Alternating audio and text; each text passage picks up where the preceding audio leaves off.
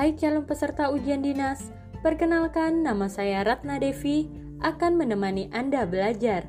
Semoga bermanfaat. Yuk kita mulai. H.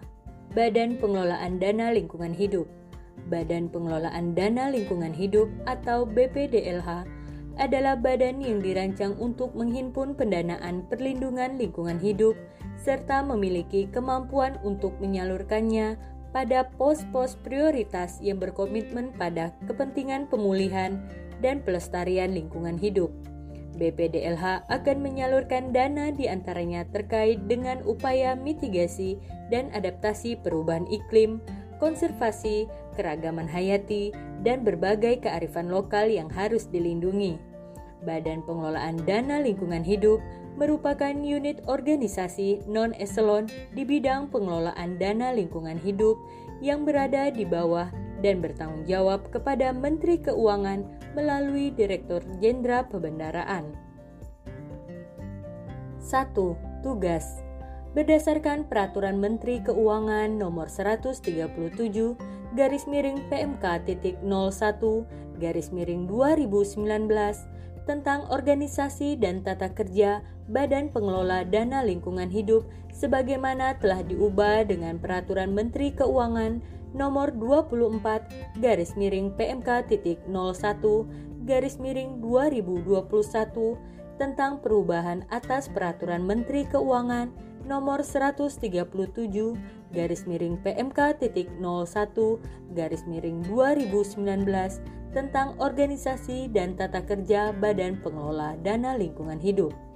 BPDLH mempunyai tugas melaksanakan pengelolaan dana lingkungan hidup di bidang kehutanan, energi dan sumber daya mineral, perdagangan karbon, jasa lingkungan, industri, transportasi, pertanian, kelautan dan perikanan, dan bidang lainnya terkait lingkungan hidup sesuai dengan kebijakan yang ditetapkan oleh Menteri Keuangan dan berdasarkan peraturan perundang-undangan.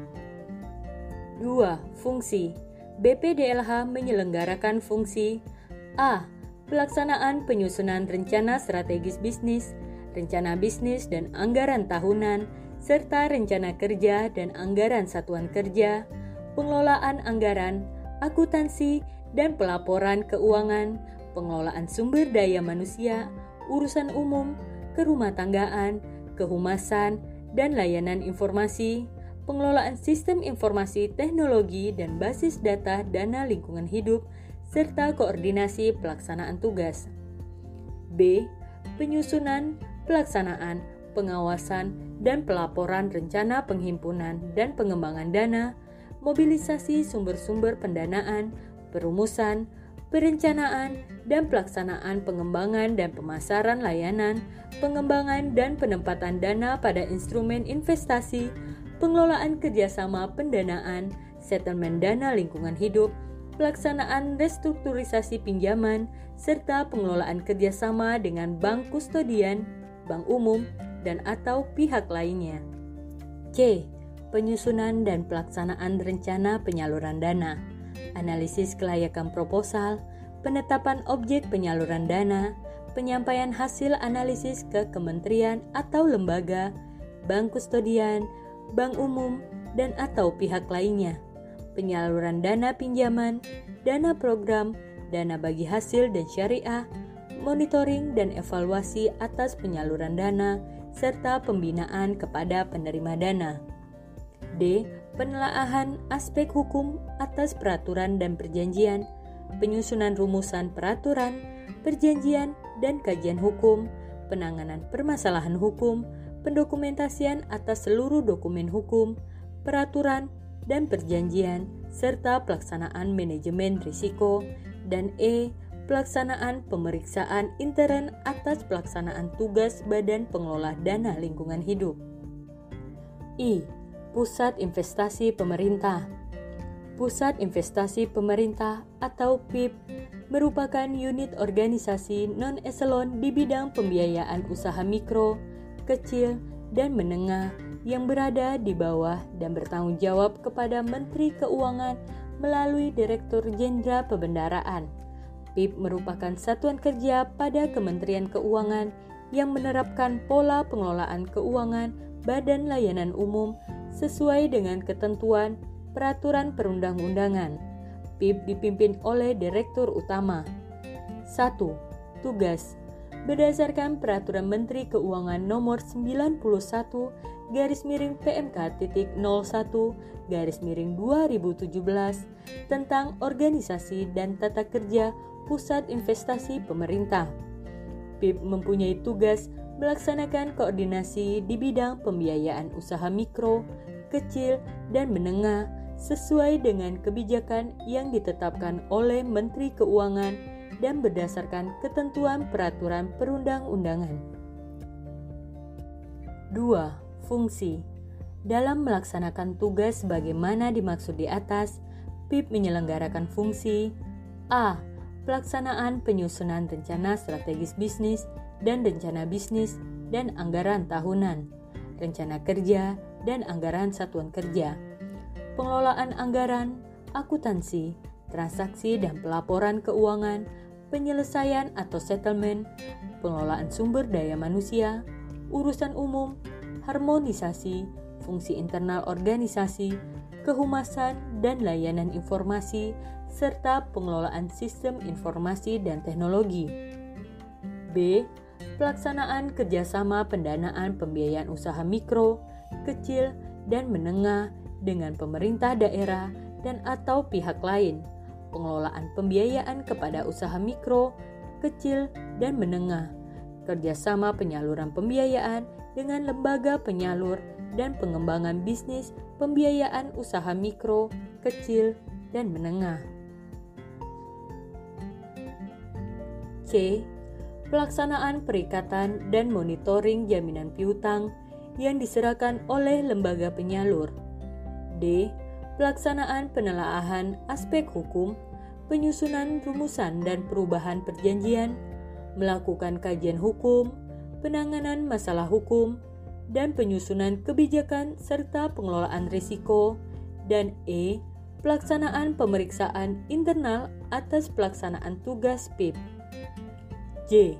Lembaga Manajemen Aset Negara Lembaga Manajemen Aset Negara yang selanjutnya disebut LIMAN merupakan unit organisasi non-eselon di lingkungan Kementerian Keuangan yang menerapkan pengelolaan keuangan badan layanan umum yang berada di bawah dan bertanggung jawab kepada Menteri Keuangan melalui Direktur Jenderal Kekayaan Negara. 1. Tugas Berdasarkan Peraturan Menteri Keuangan Nomor 54 garis miring PMK titik 01 garis miring 2017 tentang organisasi dan tata kerja lembaga manajemen aset negara, Liman mempunyai tugas melaksanakan A. Pelayanan pengembangan usaha, analisis pasar properti, pengembangan strategi bisnis, jasa penilaian, dan konsultasi manajemen aset. B. Penelitian di bidang properti. C. Pemanfaatan dalam bentuk pendayagunaan dan kerjasama operasional aset negara termasuk pinjam pakai. D. Pemindah tanganan. E. Pelaporan, monitoring, dan evaluasi manajemen aset negara. F. Pengadaan, konstruksi, pengamanan, pemeliharaan, pengurusan perizinan, pendokumentasian, publikasi, pemasaran, dan penanganan hukum. G penyusunan perjanjian, dan H. Perencanaan kebutuhan dan pengembangan lahan atau tanah, pengelolaan dana investasi pemerintah, termasuk pendanaan pengadaan tanah untuk proyek strategis nasional sebagaimana diatur dalam peraturan perundang-undangan. Aset yang dikelola oleh Liman meliputi A. Barang milik negara dan atau kekayaan negara lain yang diserah kelolakan oleh Direktorat Jenderal Kekayaan Negara kepada Liman. B. Aset yang perolehannya dibiayai dengan dana yang bersumber dari bagian anggaran BUN pengelolaan investasi pemerintah. C. Aset hasil pengadaan tanah untuk proyek strategis nasional sebagaimana diatur dalam peraturan perundang-undangan. 2 Fungsi Dalam melaksanakan tugas sebagaimana dimaksud di atas, Liman menyelenggarakan fungsi A. Pelaksanaan pengelolaan dana investasi pemerintah yang dialokasikan pada Liman termasuk pendanaan pengadaan tanah untuk proyek strategis nasional sebagaimana diatur dalam peraturan perundang-undangan, pengelolaan keuangan dan akuntansi, pengelolaan teknologi informasi, pengelolaan kerumah tanggaan, pengelolaan sarana dan prasarana, pengelolaan sumber daya manusia dan organisasi, serta pengelolaan kinerja dan kepatuhan internal. B pelaksanaan perencanaan aset, penelitian dan analisis pasar properti, pelayanan jasa konsultasi dan penilaian aset, pengelolaan risiko, pengamanan aset, perencanaan pengadaan dan pelaksanaan konstruksi aset, pemeliharaan aset, penyusunan perjanjian, monitoring perjanjian, serta dokumentasi hukum. C.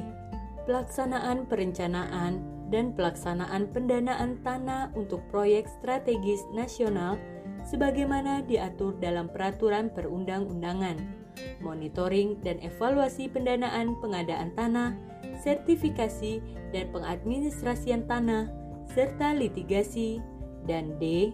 Pelaksanaan perencanaan dan pengembangan usaha, pengelolaan strategi komunikasi, pelaksanaan pemanfaatan dalam bentuk pendaya gunaan dan kerjasama operasional termasuk pinjam pakai dan pemindah tanganan aset, perencanaan dan pelaksanaan strategi pemasaran dan publikasi aset, serta monitoring dan evaluasi pencapaian target.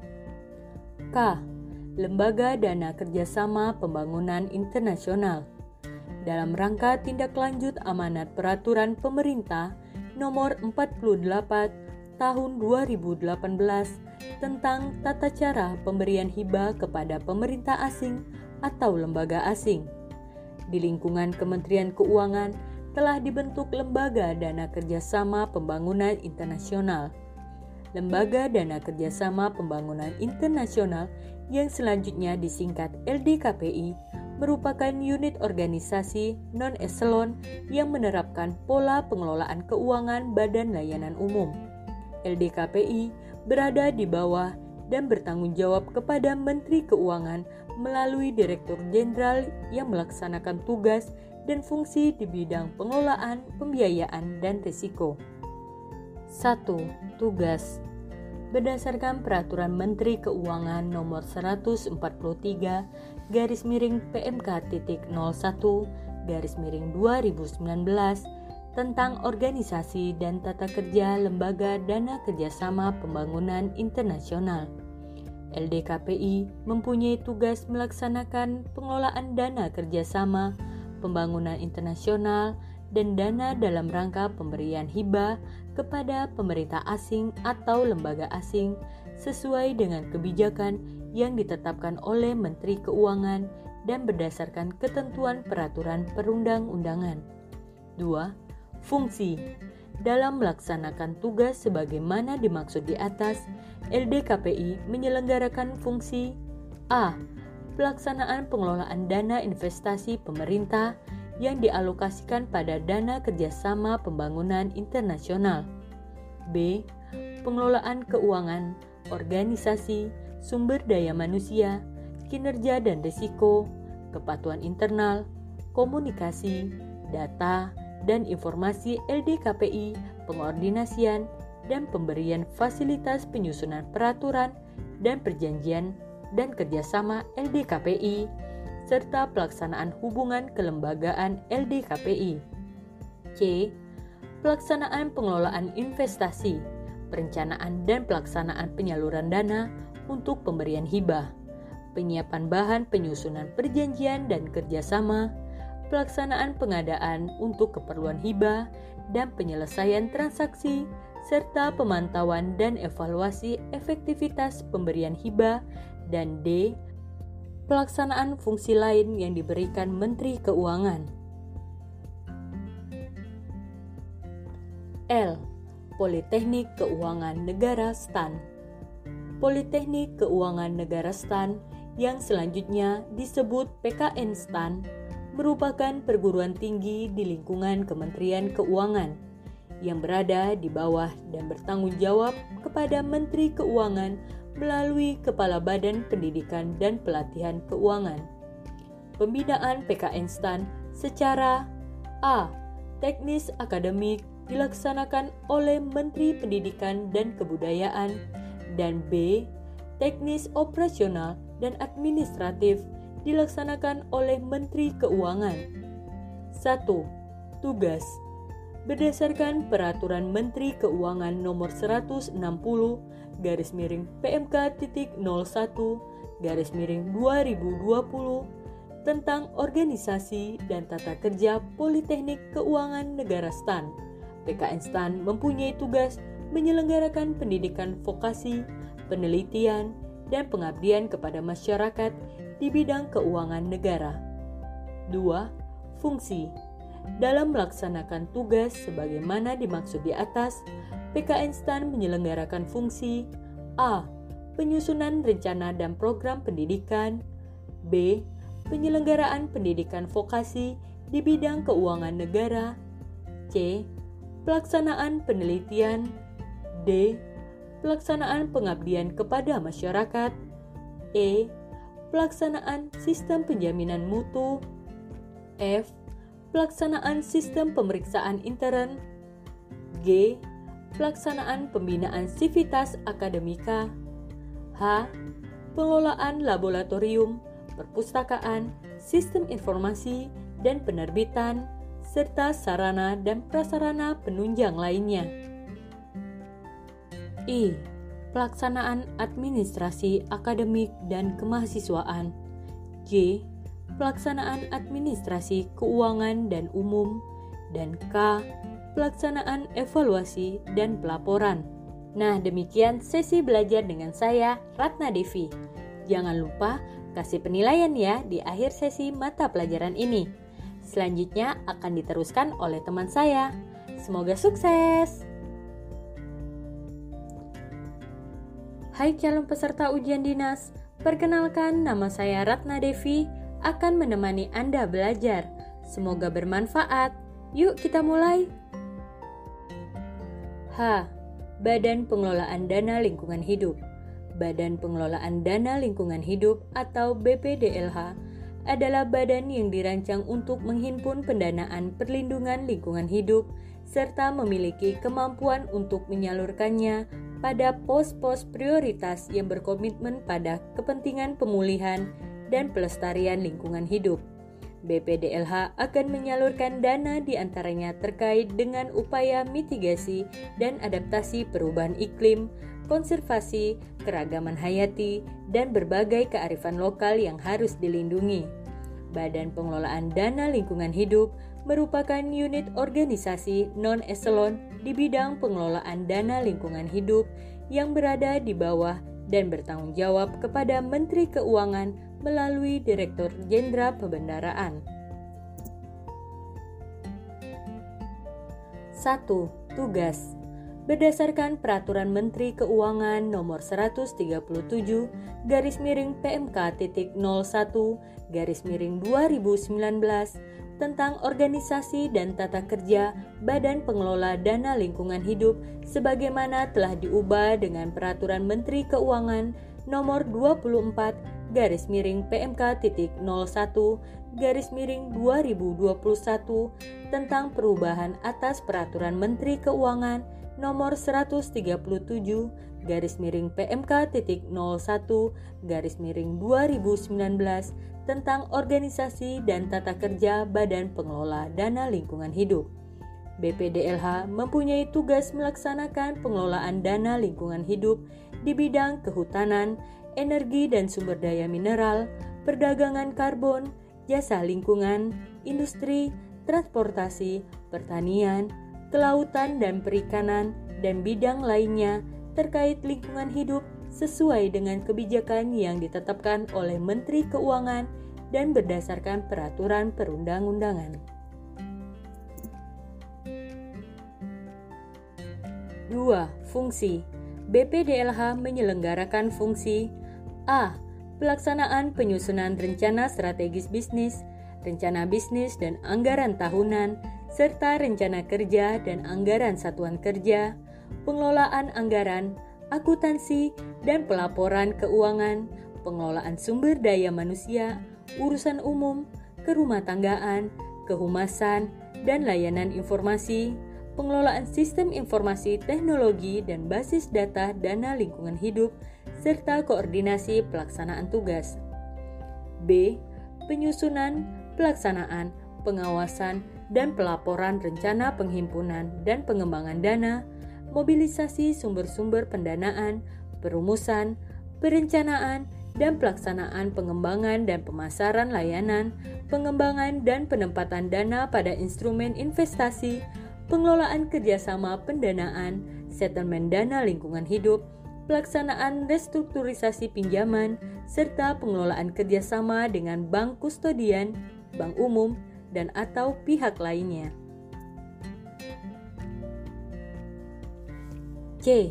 Penyusunan dan pelaksanaan rencana penyaluran dana, analisis kelayakan proposal, penetapan objek penyaluran dana, penyampaian hasil analisis ke kementerian atau lembaga, bank kustodian, bank umum, dan atau pihak lainnya, penyaluran dana pinjaman, dana program, dana bagi hasil dan syariah, monitoring dan evaluasi atas penyaluran dana, serta pembinaan kepada penerima dana. D. Penelaahan aspek hukum atas peraturan dan perjanjian, penyusunan rumusan peraturan, perjanjian, dan kajian hukum, penanganan permasalahan hukum, pendokumentasian atas seluruh dokumen hukum, peraturan, dan perjanjian, serta pelaksanaan manajemen risiko, dan E pelaksanaan pemeriksaan intern atas pelaksanaan tugas Badan Pengelola Dana Lingkungan Hidup. I. Pusat Investasi Pemerintah Pusat Investasi Pemerintah atau PIP merupakan unit organisasi non-eselon di bidang pembiayaan usaha mikro, kecil, dan menengah yang berada di bawah dan bertanggung jawab kepada Menteri Keuangan melalui Direktur Jenderal Pembendaraan. PIP merupakan satuan kerja pada Kementerian Keuangan yang menerapkan pola pengelolaan keuangan badan layanan umum sesuai dengan ketentuan peraturan perundang-undangan. PIP dipimpin oleh Direktur Utama. 1. Tugas berdasarkan Peraturan Menteri Keuangan Nomor 91 garis miring PMK titik 01 garis miring 2017 tentang organisasi dan tata kerja pusat investasi pemerintah.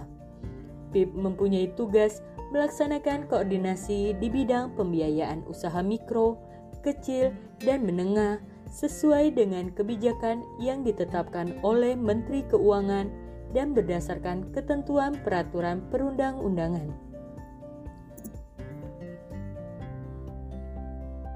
2. Fungsi Dalam melaksanakan tugas sebagaimana dimaksud di atas, PIP menyelenggarakan fungsi A.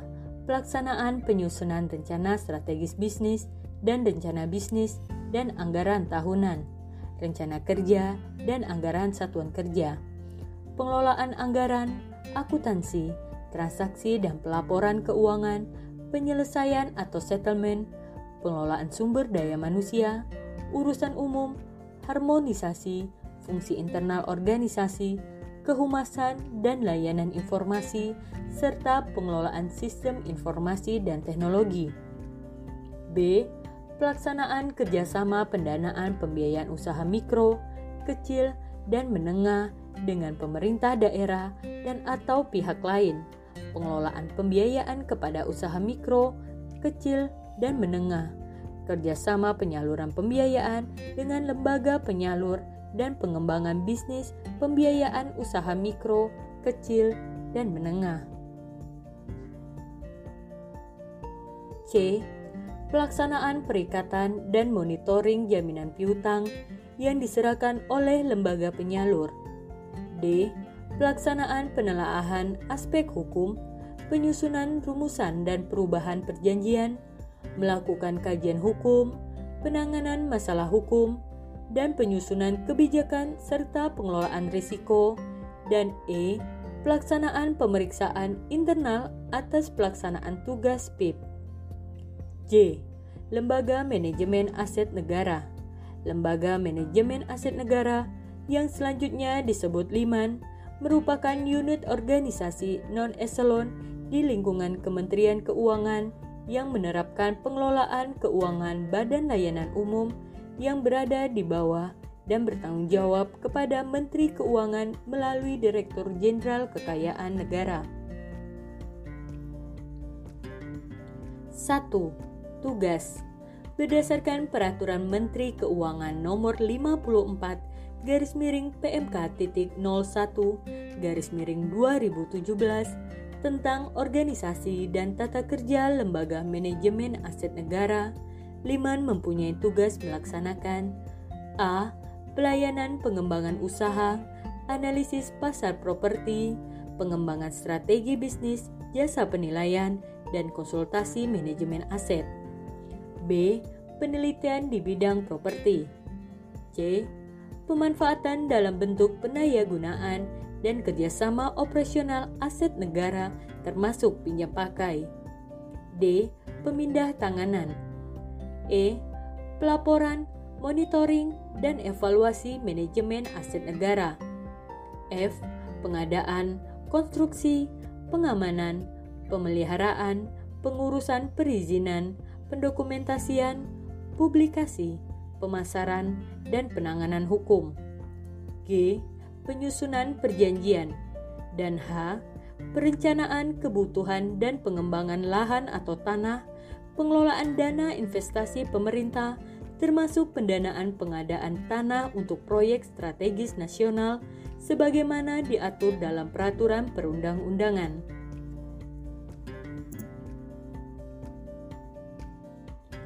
Aset yang dikelola oleh Liman meliputi A.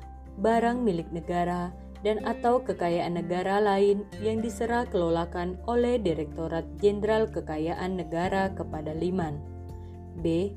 Aset yang perolehannya dibiayai dengan dana yang bersumber dari bagian anggaran BUN pengelolaan investasi pemerintah. C. Aset hasil pengadaan tanah untuk proyek strategis nasional sebagaimana diatur dalam peraturan perundang-undangan.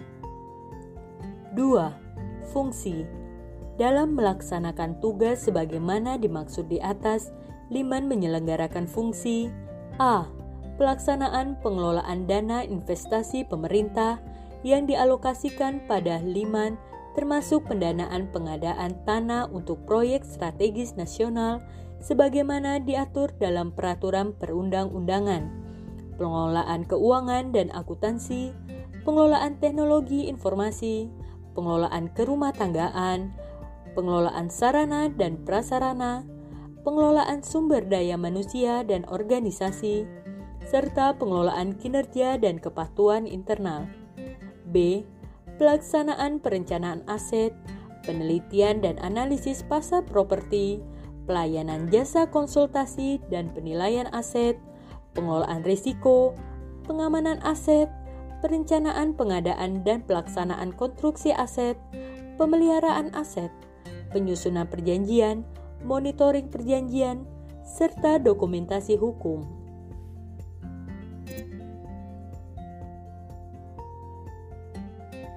C.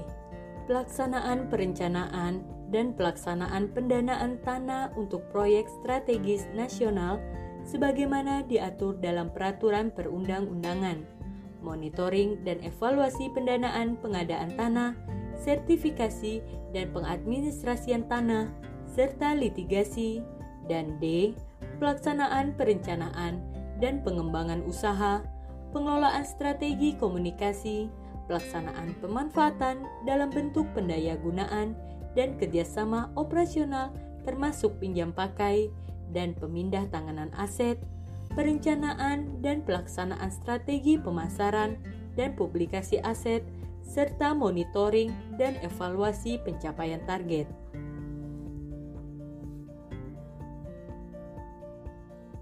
K.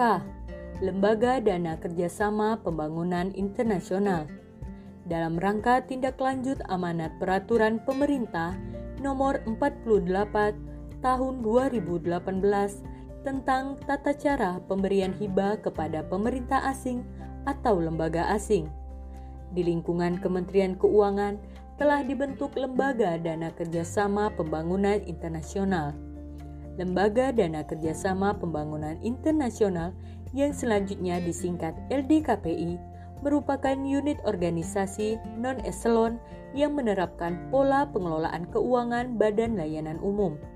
LDKPI berada di bawah dan bertanggung jawab kepada Menteri Keuangan melalui Direktur Jenderal yang melaksanakan tugas dan fungsi di bidang pengelolaan, pembiayaan, dan risiko. 1. Tugas Berdasarkan Peraturan Menteri Keuangan Nomor 143 garis miring PMK titik 01 garis miring 2019 tentang organisasi dan tata kerja Lembaga Dana Kerjasama Pembangunan Internasional.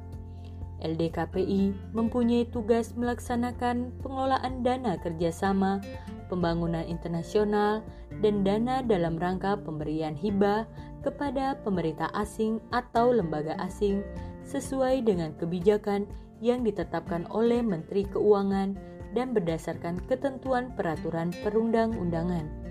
2. Fungsi dalam melaksanakan tugas sebagaimana dimaksud di atas, LDKPI menyelenggarakan fungsi A. Pelaksanaan pengelolaan dana investasi pemerintah yang dialokasikan pada dana kerjasama pembangunan internasional. B.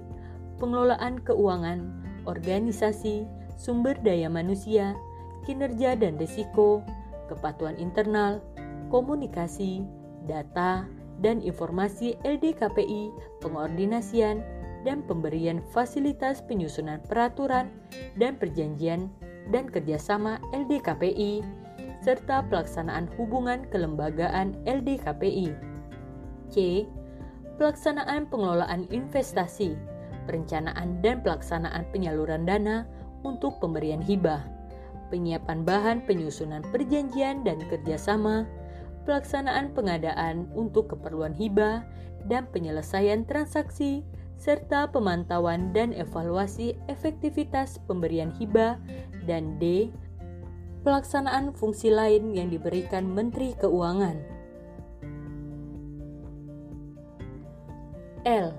Politeknik Keuangan Negara STAN Politeknik Keuangan Negara STAN yang selanjutnya disebut PKN STAN merupakan perguruan tinggi di lingkungan Kementerian Keuangan yang berada di bawah dan bertanggung jawab kepada Menteri Keuangan melalui Kepala Badan Pendidikan dan Pelatihan Keuangan. Pembinaan PKN STAN secara A. Teknis akademik dilaksanakan oleh Menteri Pendidikan dan Kebudayaan dan B. Teknis operasional dan administratif dilaksanakan oleh Menteri Keuangan. 1. Tugas Berdasarkan Peraturan Menteri Keuangan Nomor 160 garis miring PMK titik 01 garis miring 2020 tentang organisasi dan tata kerja Politeknik Keuangan Negara STAN. PKN STAN mempunyai tugas menyelenggarakan pendidikan vokasi, penelitian, dan pengabdian kepada masyarakat di bidang keuangan negara. 2. Fungsi Dalam melaksanakan tugas sebagaimana dimaksud di atas, PKN STAN menyelenggarakan fungsi A. Penyusunan rencana dan program pendidikan B. Penyelenggaraan pendidikan vokasi di bidang keuangan negara C. Pelaksanaan penelitian D. Pelaksanaan pengabdian kepada masyarakat E pelaksanaan sistem penjaminan mutu, F. Pelaksanaan sistem pemeriksaan intern, G. Pelaksanaan pembinaan sivitas akademika, H. Pengelolaan laboratorium, perpustakaan, sistem informasi, dan penerbitan, serta sarana dan prasarana penunjang lainnya. I pelaksanaan administrasi akademik dan kemahasiswaan. J. pelaksanaan administrasi keuangan dan umum, dan K. pelaksanaan evaluasi dan pelaporan. Nah, demikian sesi belajar dengan saya, Ratna Devi. Jangan lupa kasih penilaian ya di akhir sesi mata pelajaran ini. Selanjutnya akan diteruskan oleh teman saya. Semoga sukses!